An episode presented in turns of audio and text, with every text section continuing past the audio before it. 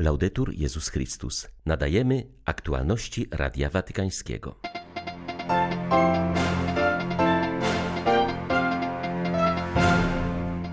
Miłość Chrystusa ukrzyżowanego i zmartwychwstałego jest źródłem naszego zbawienia, a nie zachowywanie przepisów prawa, przypomniał papież podczas audiencji ogólnej.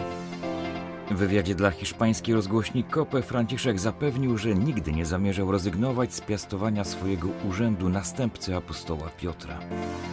W obchodzonym dzisiaj Światowym Dniu Modlitw o ochronę stworzenia przywódcy religijni wzywają do bardziej umiarkowanego i ekologicznie zrównoważonego stylu życia. 1 września witają Państwa Krzysztof Bronk i ksiądz Krzysztof Ołdakowski. Zapraszamy na serwis informacyjny.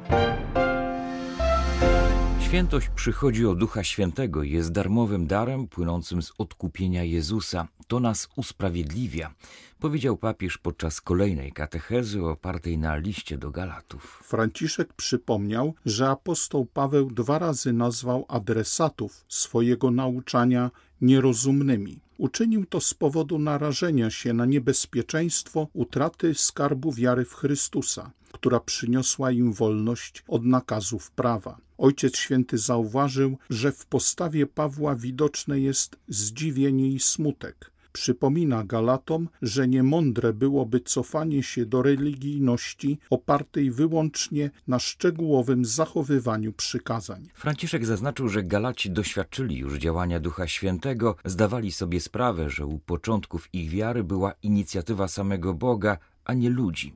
Święty Paweł również nas zaprasza do refleksji nad sposobem przeżywania wiary. Czy miłość Chrystusa, ukrzyżowanego i zmartwychwstałego, pozostaje w centrum naszego codziennego życia jako źródło zbawienia, czy też zadowalamy się kilkoma religijnymi formalnościami dla uspokojenia naszych sumień? Jak my przeżywamy naszą wiarę? Czy jesteśmy przywiązani do cennego skarbu, do piękna, nowości Chrystusa, czy też wolimy coś, co w danej chwili nas pociąga, ale potem pozostawia nas pustymi w środku? Do bram naszej codzienności często puka to, co ulotne, ale jest to smutna iluzja, która sprawia, że popadamy w powierzchowność i nie potrafimy rozpoznać, dlaczego naprawdę warto żyć. Zachowajmy jednak pewność, że nawet wtedy, gdy jesteśmy kuszeni, by się odwrócić, Bóg nadal obdarza nas swoimi darami. Ojciec Święty zwrócił uwagę, że tak jak w historii, tak również dzisiaj zdarzają się podobne rzeczy, które spotkały Galatów. Także współcześnie przybywają ci, których słowa łaskoczą w uszy. Głoszą oni, że świętość polega na zachowywaniu przepisów i propagują surową religijność, która odbiera wolność w duchu, którą daje nam odkupienie Chrystusa. W tej przesadnej surowości nie ma ducha Bożego. List do Galatów może nam pomóc w nabieraniu dystansu do różnych fundamentalistycznych propozycji, aby pójść naprzód w powołaniu paschalnym Jezusa. Niezależnie od różnych trudności, które możemy napotkać w naszym działaniu, pomimo naszych grzechów, Bóg nie opuszcza nas i pozostaje z nami, obdarzając nas miłością miłosierną. On jest zawsze blisko nas ze swoją dobrocią. Jest jak ojciec, który każdego dnia wychodzi na taras przed swoim domem, aby zobaczyć, czy jego syn powraca. Miłość ojca nigdy się nami nie męczy. Prośmy o mądrość, abyśmy zawsze to dostrzegali i odsyłali fundamentalistów, którzy proponują nam życie w sztucznej ascezie, dalekiej od ducha zmartwychwstania Chrystusa. Asceza jest potrzebna, ale asceza mądra, nie sztuczna. W pozdrowieniach do pielgrzymów papież modlił się o wylanie na każdego strumienia łaski Bożej. Przypomniał, że ten niezawodny dar jest zbawczą siłą, która umacnia i podtrzymuje na drodze życia. Do Polaków papież powiedział: Do il mio cordiale benvenuto ai pellegrini polacchi. Serdecznie witam polskich pielgrzymów. Cari fratelli e sorelle. Drodzy bracia i siostry, pozdrawiam Was, Wasze rodziny i wspólnoty. Niech Duch Święty napełnia Wasze serca wiarą, nadzieją i miłością, abyście w codzienności zawsze byli świadkami Chrystusa Pana przez wytrwałą modlitwę, życie sakramentalne i dzieła miłosierdzia. Z serca Wam błogosławię.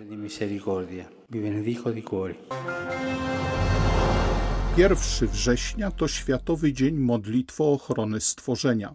Rozpoczyna on również coroczne wydarzenie ekumeniczne Czas dla Stworzenia, podczas którego chrześcijanie na całym świecie modlą się oraz podejmują działania na rzecz ochrony środowiska naturalnego. Czas dla stworzenia zakończy się we wspomnienie świętego Franciszka z Asyżu. Specjalne przesłanie wystosował także patriarcha Konstantynopola Bartłomiej który między innymi zaapelował o poważne potraktowanie globalnej sytuacji w czasach koronawirusa.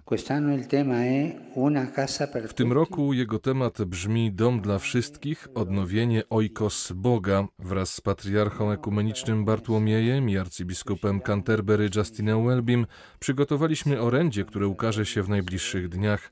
Wspólnie z braćmi i siostrami różnych wyznań chrześcijańskich módlmy się i działajmy na rzecz wspólnego domu w czasach poważnego kryzysu planetarnego.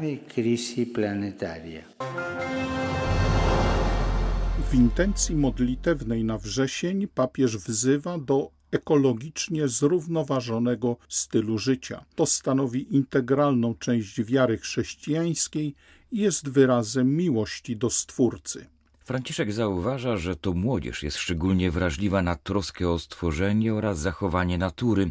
Zachęca, aby stanąć w szeregu z młodymi ludźmi w propagowaniu prostszego i skromniejszego sposobu życia, który będzie bardziej przyjazny dla środowiska. Bardzo się cieszę, że młodzi ludzie mają odwagę podejmować projekty na rzecz poprawy stanu środowiska i społeczeństwa. Ponieważ te dwie rzeczy idą ze sobą w parze, my, dorośli, możemy się wiele nauczyć od młodych ludzi, ponieważ we wszystkim, co ma związek z troską o planetę, młodzi ludzie są na czele. Skorzystajmy z ich przykładu, zastanówmy się, zwłaszcza w czasie kryzysu, kryzysu zdrowotnego, społecznego, ekologicznego, nad naszym stylem życia. Podążajmy z młodymi ludźmi w kierunku prostszego i bardziej przyjaznego środowisku stylu życia. I módlmy się, abyśmy wszyscy dokonywali odważnych wyborów, wyborów koniecznych do bardziej umiarkowanego i ekologicznie zrównoważonego życia, inspirowani przez młodych ludzi, którzy angażują się w tę zmianę. Oni nie są głupi, ponieważ angażują się w swoją przyszłość, dlatego chcą zmienić to, co odziedziczą w czasie, gdy nas już nie będzie en un tiempo en que ya nosotros no estaremos. Sytuacja w Afganistanie, proces sądowy w Watykanie, zdrowie papieża, kataloński separatyzm, pielgrzymka do Santiago de Compostela to tylko niektóre z tematów, jakie papież Franciszek poruszył podczas obszernego 90-minutowego wywiadu udzielonego hiszpańskiemu radiu COPE. Przeprowadził go znany dziennikarz Carlos Herrera. Jest to pierwszy wywiad po lipcowej operacji Ojca Świętego.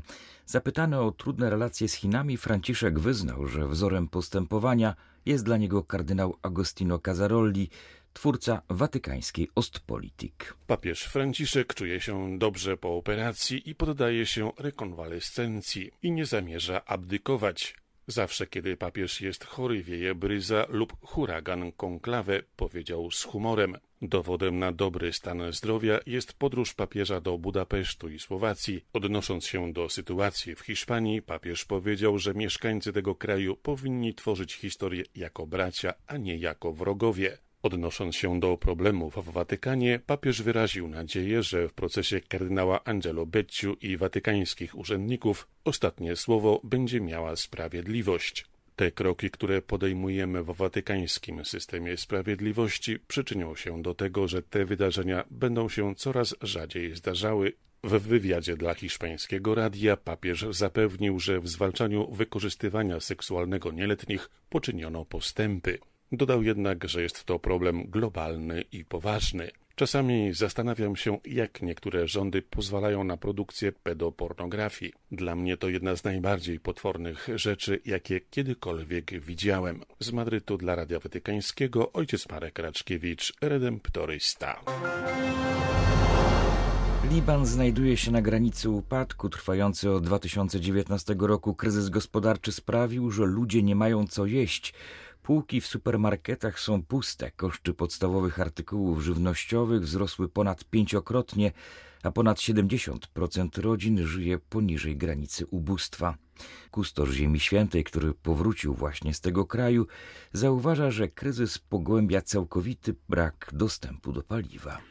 Brakuje także prądu, załamał się system opieki zdrowotnej. Na ulicach i w sklepach dochodzi do bujek o podstawowe produkty. Polityczny impas uniemożliwia przeprowadzenie koniecznych reform gospodarczych. Obraz upadającego państwa dopełnia eksplozja w bejruckim porcie, pandemia koronawirusa i niedawny wybuch ciężarówki z paliwem, w wyniku którego zginęło 30 osób. Organizacja Save the Children donosi o coraz trudniejszej sytuacji libańskich dzieci. Najnowszy raport tej organizacji ujawnia, że miesięczna racja chleba dla całej rodziny kosztuje obecnie w Libanie połowę miesięcznej płacy minimalnej. Najbiedniejszych nie stać na pełnowartościowe jedzenie. Niektóre dzieci jedzą wyłącznie chleb i piją wodę, mówi ojciec Francesco Patton. Liban jest na kolanach. Załamanie systemu politycznego opartego dotąd na równowadze pomiędzy chrześcijanami, sunnitami i szyitami sprawia, że kraj nie funkcjonuje. Desperacja sięga zenitu. Kryzys gospodarczy i dewaluacja pieniądza doprowadziły do erozji wynagrodzeń. Ludzie, choć ciężko pracują, nie mogą wyżyć ze swojej pracy. Wielu głoduje, nie ma pieniędzy na czesne za szkołę dla swoich dzieci. Brakuje leków i opieki zdrowotnej w ogóle. Brak paliwa w generatorach elektrycznych w niektórych szpitalach to wyrok śmierci dla osób podłączonych do respiratorów. Stąd coraz więcej osób próbuje opuścić kraj, a zadaniem Kościoła jest pomagać i nieść pocieszenie. Jego misją jest także apelowanie do polityków, aby doszli do porozumienia, przezwyciężyli podziały i pracowali dla wspólnego dobra.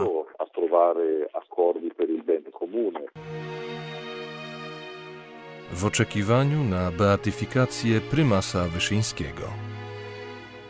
Kościół jest matką, ale Kościół służy, ma swoich ministrów, to znaczy po polsku sługi od papieża przez biskupów i kapłanów.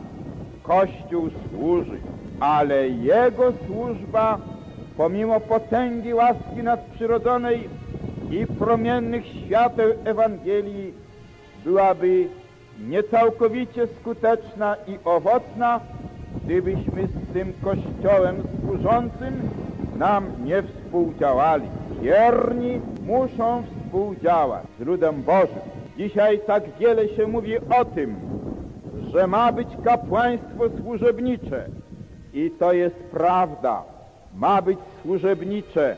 I nie od dziś dnia, bo wiemy, że najwyższy w Kościele na tej ziemi kapłan nazywa się przecież sługą sług Bożych. Ale jeżeli tak jest dzieci Boże Kościołem od wieków, to skuteczność działania Chrystusa żyjącego w Kościele, skuteczność współdziałającej z Chrystusem Jego Matki zależy w dużym stopniu od nas. Czy my służymy również, czy my pomagamy, czy my wspieramy ten Kościół Ojca Świętego, biskupów, kapłanów, choćby modlitwą.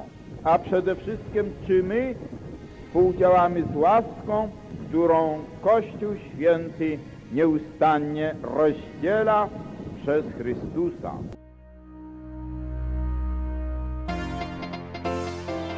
Były to aktualności Radia Watykańskiego. Laudetur Jezus Chrystus.